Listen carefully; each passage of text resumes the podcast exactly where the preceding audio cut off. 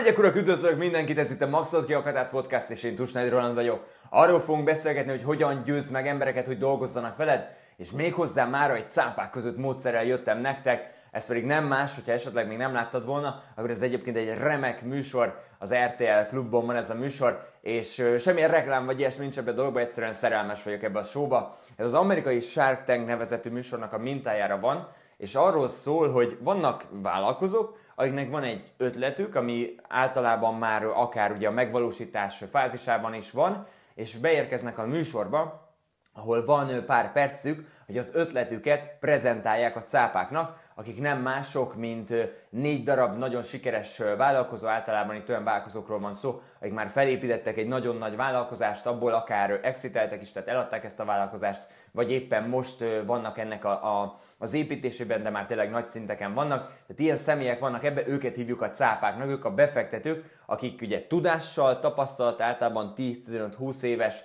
tapasztalattal rendelkeznek, elismert üzletemberek Magyarországon, és a tudáson kívül nyilván befektetni való tőkével is rendelkeznek, amivel tudják gyorsítani az adott vállalkozónak a növekedését. Persze, csak is kizárólag akkor, ha a pitch sikerül. És nagyon izgalmas megfigyelni, én azt, azt gondolom, hogy ez a műsor önmagában egyébként azért zseniális, mert kb. úgy érzem, hogy ingyen nézhetem milliárdos vállalkozóknak a gondolkodás módját. Tehát nem is annyira azt szoktam figyelni, hogy azok az emberek, ez is persze ez is egy fontos rész, hogy azok az emberek, akik jönnek a műsorba,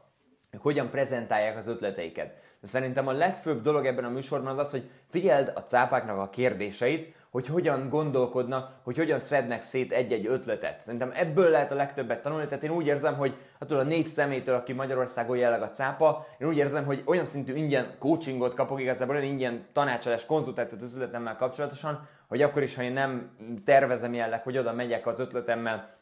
ő eléjük, ettől függetlenül nagyon sokat tudok tanulni azokból a kérdésekből, amiket feltesznek. Tehát ez is zseniális, viszont megfigyeltem egy dolgot, ami folyamatosan visszatér a, az ő kérdéseik között, vagy az ő gondolataik között, és én is ezt tartom egy megfelelő metódusnak a vállalkozás építésre.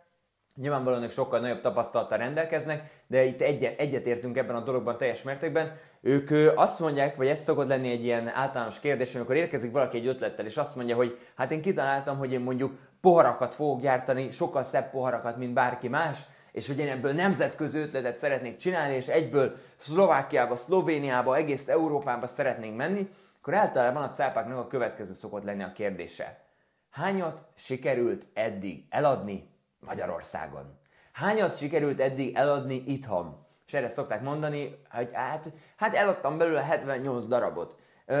Oké, okay, néznek a cápák, hogy hát figyelj, hapsikám, ha nem sikerült itthon először a barátaidnak, az ismerőseidnek, nem sikerült meggyőznöd az embereket egy szűk körben,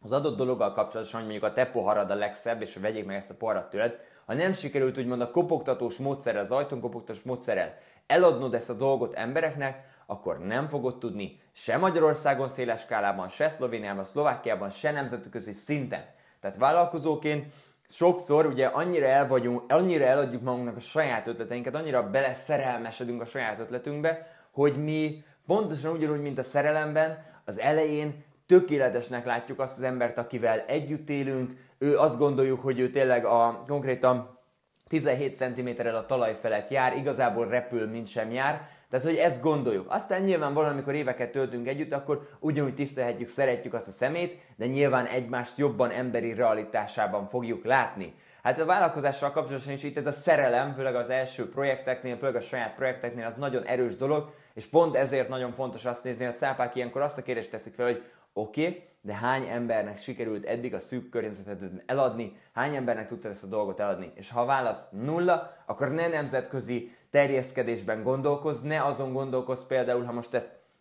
lefordítjuk egyéni szolgáltás alapú vállalkozókra, sokan jönnek hozzám úgy, hogy egyből előfizetéses rendszer szeretnének építeni, és több ezer embert szeretnének az előfizetéses rendszerükbe. De ez alapvetően nem egy jó kiindulási pont. Tehát olyan emberek, akiket ismerek, akik kezdetben, úgymond kívülről nézve kezdetben előfizetéses rendszert építettek, és több ezer ember volt az előfizetéses rendszerükbe, ők mind olyan embereknek előtte 7-10 év tapasztalatuk volt azzal az adott dologgal kapcsolatosan, és csak utána csináltak előfizetéses rendszert. Tehát benne, belerakta a munkát, belerakta azokat az éveket, amikor megszerezte a tapasztalatát. És ezekben az években általában az első két, három, négy, öt évben nagyon személyesen, nagyon sokat benne dolgoztak a vállalkozásukba, nagyon személyesen dolgoztak emberekkel, tehát tényleg egy az egyben nagyon-nagyon sokszor konzultáltak ővelük, hogy minél jobban az első években megismerhessék azt az adott szemét. Tehát ahhoz, hogy én majd el tudjak adni ezer, meg tízezer embernek, ahhoz, hogy én el tudjak adni több ezer embernek egy előfizetéses rendszert,